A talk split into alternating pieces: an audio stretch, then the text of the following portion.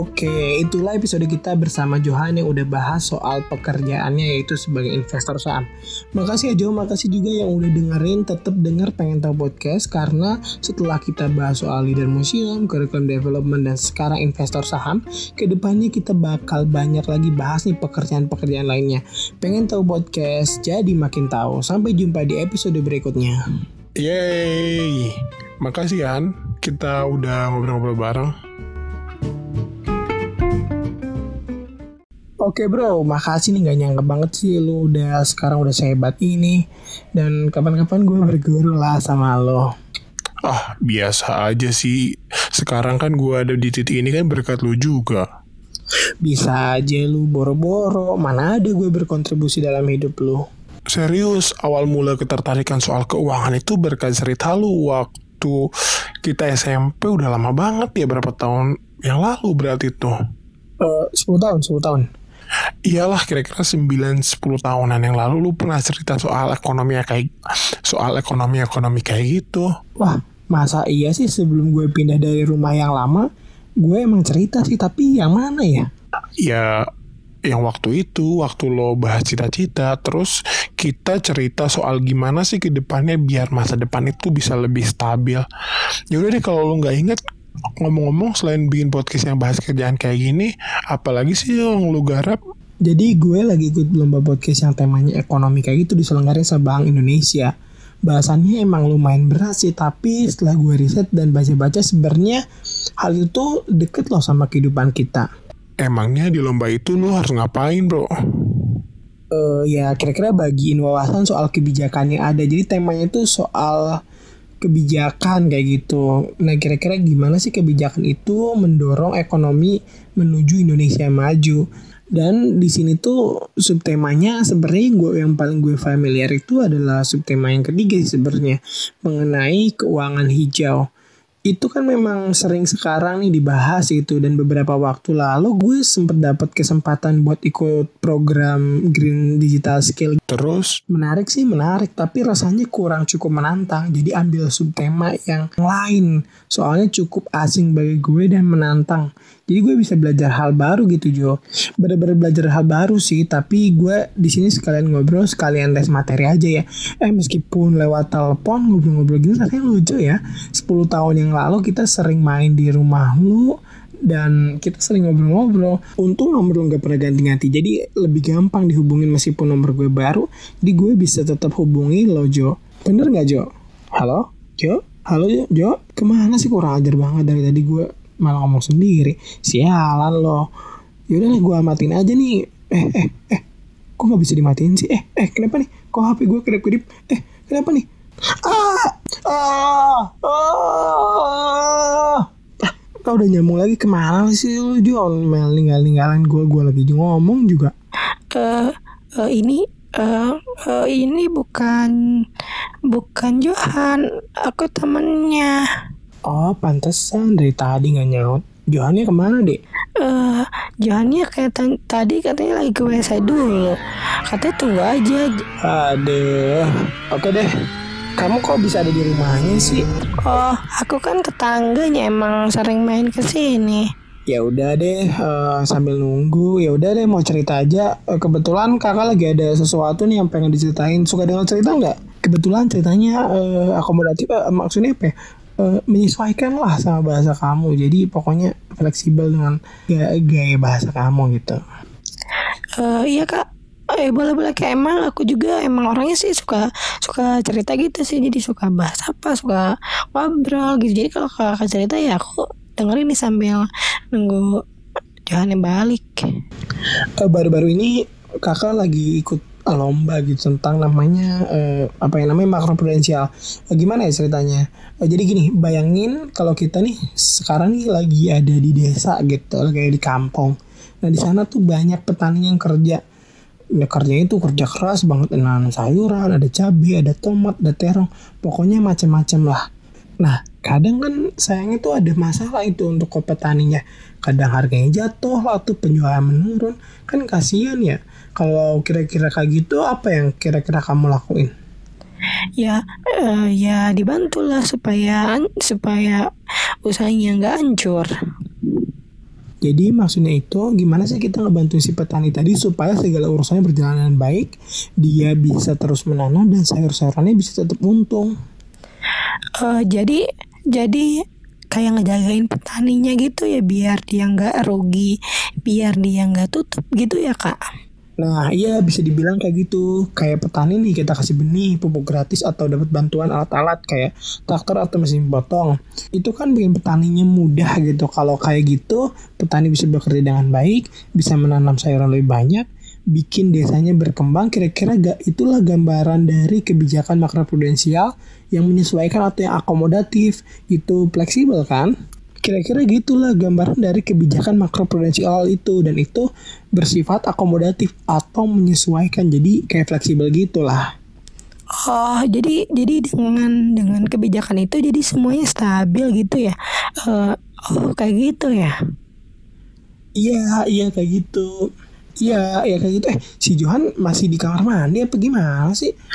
uh, uh, ya kak itu dia masih di WC soalnya kayak dari kemarin dia diare gitu terus itu tapi terus kalau itu cara ngasih ngebantunya tuh kayak gimana sih kak? Oh gitu ya oh oke okay, gini uh, kebijakan makroprudensial itu ngasih bantuan kayak yang tadi itu disebut in, insentif atau bantuan ini tuh dikasih saat bantuan ini tuh bisa ngembangin dan juga mempertahankan dari segi lebih kayak gitu. Nah untuk pembagiannya sendiri itu ada beberapa cara yang namanya kebijakan transparansi. Nah untuk ngebaca cara salah satunya itu ada transparansi suku bunga. Ah, oke okay deh. Uh, oh, oke okay deh, sebut aja permen. Bayangin kamu beli permen ke toko pas kamu ke toko nggak ternyata di toko itu nih nggak ada tulisan harganya. Kamu bingung kan uang kamu yang kamu bawa berapa terus kamu bingung nih mau beli apa enggak. Nah kebijakan transparansi suku bunga itu kayak toko permen yang ngasih tahu jelas permennya itu harga berapa. Jadi kamu bisa nentuin bisa ngebandingin harga permennya yang kamu beli itu berapa. Terus per, harga permen di toko itu dan di toko yang lain tuh bedanya berapa? Jadi kan kita sebagai pembeli enak jadi kita nggak bingung. Nah setelah itu cara lainnya buat ngebantu kebijakan itu ada lagi nih kebijakan lainnya tadi kan yang transparansi suku bunga.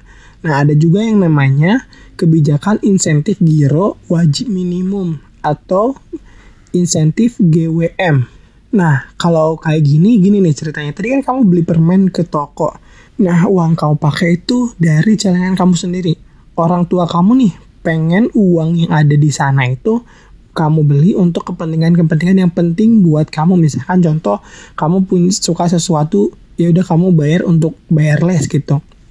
Nah, karena orang tua kamu senang celengannya dipakai buat nabung hal yang bermanfaat, kamu tuh bakal dikasih hadiah. Akhirnya, kamu tuh kan kalau dikasih hadiah kamu makin semangat nih, bersemangat untuk nabung dan nanti kamu bisa beli hal-hal yang bermanfaat kayak gitu gitu deh jadi kamu jadi lebih termotivasi untuk beli ke sektor-sektor atau hal-hal yang lebih utama lebih prioritas jadi kamu lebih mementingkan hal yang penting gitu ketimbang kamu beli-beli atau berbelanja ke hal yang lain. ngomong ngomong-ngomong, kamu di rumah si Johan lagi ngapain sih? Uh, uh, lah, aku lagi main aja sih, bosen soalnya di rumah pengen nyari teman ngobrol, teman teman cerita gitu kak. Wah seru dong, kakak juga ke seumuran kamu suka main main di rumah Johan tapi udah lama nggak bisa ke sana lagi. Emang di rumahnya nggak ada siapa-siapa jadi sepi kayak gitu.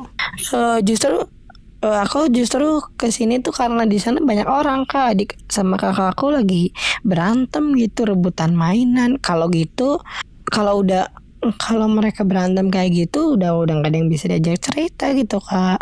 Oh punya adik punya kakak sama dong sama-sama anak tengah. Kita meninggal aja ya soalnya kayak daripada ribut-ribut soal mainan kayak gitu kan kita malas ya. Nah ngobrol ini soal mainan gitu ya ini ada cara lain lagi di makroprudensial untuk bisa ngasih bantuan. Sekalian kita jelasin lewat mainan aja kali ya. Oh iya iya iya iya kak iya kak Nah, kebijakan selanjutnya ini namanya kebijakan Risk Profile Improvement Mechanism. Namanya sih kira ada Inggris-Inggris kayak gitu. Ribet lah, tapi kira-kira kayak gini. Bayangin nih kamu punya temen. Nah, teman kamu tuh punya banyak mainan gitu. Dia suka kasih pinjam mainannya ke teman-temannya. Nah, tapi kadang-kadang dia tuh nggak periksa dulu di kondisi mainannya kayak gimana. Terus mainannya tuh masih ada apa enggak gitu. Jadi kan kalau kayak gitu malah gampang rusak dan gampang hilang ya sayang banget tuh kalau mainan yang banyak itu malah hilang ataupun rusak gitu Nah, supaya nggak hilang dan rusak, teman kamu nih bisa nerapin konsep RPIM ini gitu yang tadi. Jadi caranya tuh dia harus bikin aturan yang jelas gitu supaya nanti kalau ada yang mau minjem mainan ada aturannya. Nah, ketika misalnya ada aturannya, mereka tuh harus pakainya hati-hati dan terus harus bisa ngebuktiin ke yang punya mainan bahwa dia tuh bisa dipercaya gitu buat minjem mainan. Nah, dia harus hati-hati gitu yang buat minjem buat yang minjemnya. Oh kalau kalau kalau gitu yang minjem gak boleh seenaknya dong kak berarti dia harus tanggung jawab sama apa yang dia pinjam duga terus harus ngebuktiin atau terus harus ngasih bukti. Terus harus sesuai dong. Terus harus ngebuktiin kalau dia tuh bisa dipercaya setiap kali minjemnya. Pasti mainannya kembali sesuai kondisi. Terus dia harus ngebuktiin kalau dia tuh bisa dipercaya setiap kali pinjam mainan itu pasti kembalinya dalam kondisi yang sesuai awalnya itu ya kak Nah betul, kalau dia bisa terus-terusan jaga mainan yang dia pinjem, ke depannya kalau dia mau minjem lebih banyak atau lebih gede, yang ngasih pinjem tuh jadi tenang, dia masih bisa dipercaya gitu, karena dia udah punya kredibilitas, udah punya istilahnya bisa dipercaya kayak gitu. Nah, masih berkaitan dengan mainan, ada satu cerita lagi nih. Waduh, si Johan lama banget sih. Jadi ini kita satu cerita lagi ya. Uh, ceritanya itu hanya namanya pelonggaran LT. Oh, pelonggaran pelonggaran itu tuh kayak kayak patungan gitu, kayak ditalangin gitu dulu. Gimana sih kak? Nah, iya, ya, ini misalkan nih kamu punya mobil-mobilan yang pengen kamu beli itu harganya seratus ribu. Terus ayah kamu tuh bayarin dulu nih, jadi kayak patungan gitulah, delapan puluh ribu. Kamu bisa pakai uang kamu nih untuk bayar beli mobilnya itu untuk bisa dapetin mobilnya itu bayar dua puluh ribu. Nah, terus kalau udah 80 ribu sama 20 ribu kamu udah bisa beli dong. Pasti mobil itu gitu. Jadi udah bisa dibeli dari toko gitu. Nah kebijakan LTV atau FTV ini eh kamu tuh bisa bantu bayarin dulu tuh 80 ribu. Jadi untuk untuk kamu bisa beli untuk kamu bisa dapetin mobil itu dari toko bisa jadi patungan gitu. Jadi 100 ribu dibagi 80 sama 20 ribu gitu. Jadi kamu bisa beli dengan bayar istilahnya ngeluarin uang dari celengan kamu 20 ribu kalau misal ada kebijakan pelonggaran FTV dan LTV itu kamu bisa cukup bayar 5000 aja misal lewat kebijakan pelonggar LTV atau FTV ini kamu bisa cukup bisa tetap jajan. Nah, oh kalau kayak gitu enak dong. Sambil nabung gitu terus masih bisa jajan-jajan kayak gitu. Tadinya harus beli 20.000 jadi kita hanya perlu bayar 5000. Nah, betul kayak gitu. Tapi kebijakan itu pun bukan berarti dengan gampang gitu. Memang harus ada pengawasan yang ketat gitu. Jadi nanti uh, dengan kebijakan itu kamu bisa dapat tuh kayak kayak tadi presentasinya lebih rendah gitu supaya kamu belinya lebih ringan. Jadi kebijakan makroprudensial akomodatif itu sekumpulan aturan tuh yang ngasih kemudahan orang-orang atau bisnis bisa dapat bantuan pinjaman dan keringanan dari bank. Jadi perekonomiannya stabil deh. Kira-kira kayak gitu. Gimana? Seru nggak? Wah, seru banget kan belajar ekonomi yang prudensial prudensial itu. Makroprudensial akomodatif. Ya ya makroprudensial akomodatif itu belajarnya gampang lewat cerita kayak mainan, mobil-mobilan. Jadi lumayan ngerti. Soalnya ekonomi-ekonomi kayak gitu tuh ternyata perlu aturan yang menyesuaikan sama kondisi kondisinya tuh kondisi orang sama bisnis yang ada gitu ya kak syukur deh kalau kamu ngerti kalau kamu udah tahu kayak gini ke depannya bisa berguna loh buat kamu nanti kalau udah gede. Kamu jadi lumayan paham soal keuangan soal risiko soal risiko resikonya dan bisa ngelihat peluang dari kondisi ekonomi yang ada. Jadi kamu bisa punya rencana karir yang sesuai kayak gitu. Uh, Oke deh kalau kayak gitu Johannya belum baik-baik juga kok mau duluan aja ya bilangin ke dia bilangin ke dia aku duluan ya. Kalau perlu kalau perlu ceritain lagi ke dia soal cerita yang tadi. Dan terus kamu juga bisa belajar lagi supaya kamu lebih ngerti. Dan peluang yang ada supaya bisa punya karir yang bagus tuh punya kerjaan yang bagus kalau udah gede. Oke okay, mak makasih ya. Oh iya kak. Oh iya kak. Sama-sama. Nanti aku sampein ke Johannya ya Oh iya, mak makasih makasih ya. Oh, oh iya, ya, makasih ya. Uh, kita udah ngobrol lama, tapi aku belum tahu nih nama kamu siapa nih. Uh, nama aku uh, Rehan. Ah, Re, Revan siapa? Ah, hah, siapa? Rehan.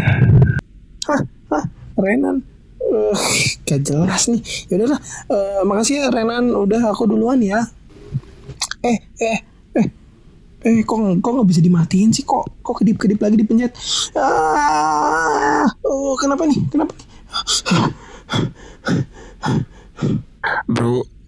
Eh eh, eh Han uh, makasih uh, Han. Han maaf ya tadi gue buru-buru nih soalnya gue mulus banget nih. Uh, terus tadi gue oh, ingat apa kok tadi gue ngobrol ah eh eh gue gue gue gue inget gue inget gue inget inget apa inget apaan? Uh, jadi waktu kecil lu, lu tuh oh jadi waktu kecil lu tuh cerita soal uh, ekonomi tapi pakai kayak cerita-cerita gambaran-gambaran kayak gitu. Kayak uh, beli permen beli mainan petani apalah. Ya namanya tuh kayak mak makro prudensial gitu. Uh, kenapa kenapa gue inget soalnya waktu dulu juga lu cerita sesudah gue mulas gitu. Dan di situ lu cerita-cerita kayak gitu. Terus kayak lu abis ngangkat telepon apa gimana ya? Dan dari situ pemahaman gue kebuka sih sampai hari ini.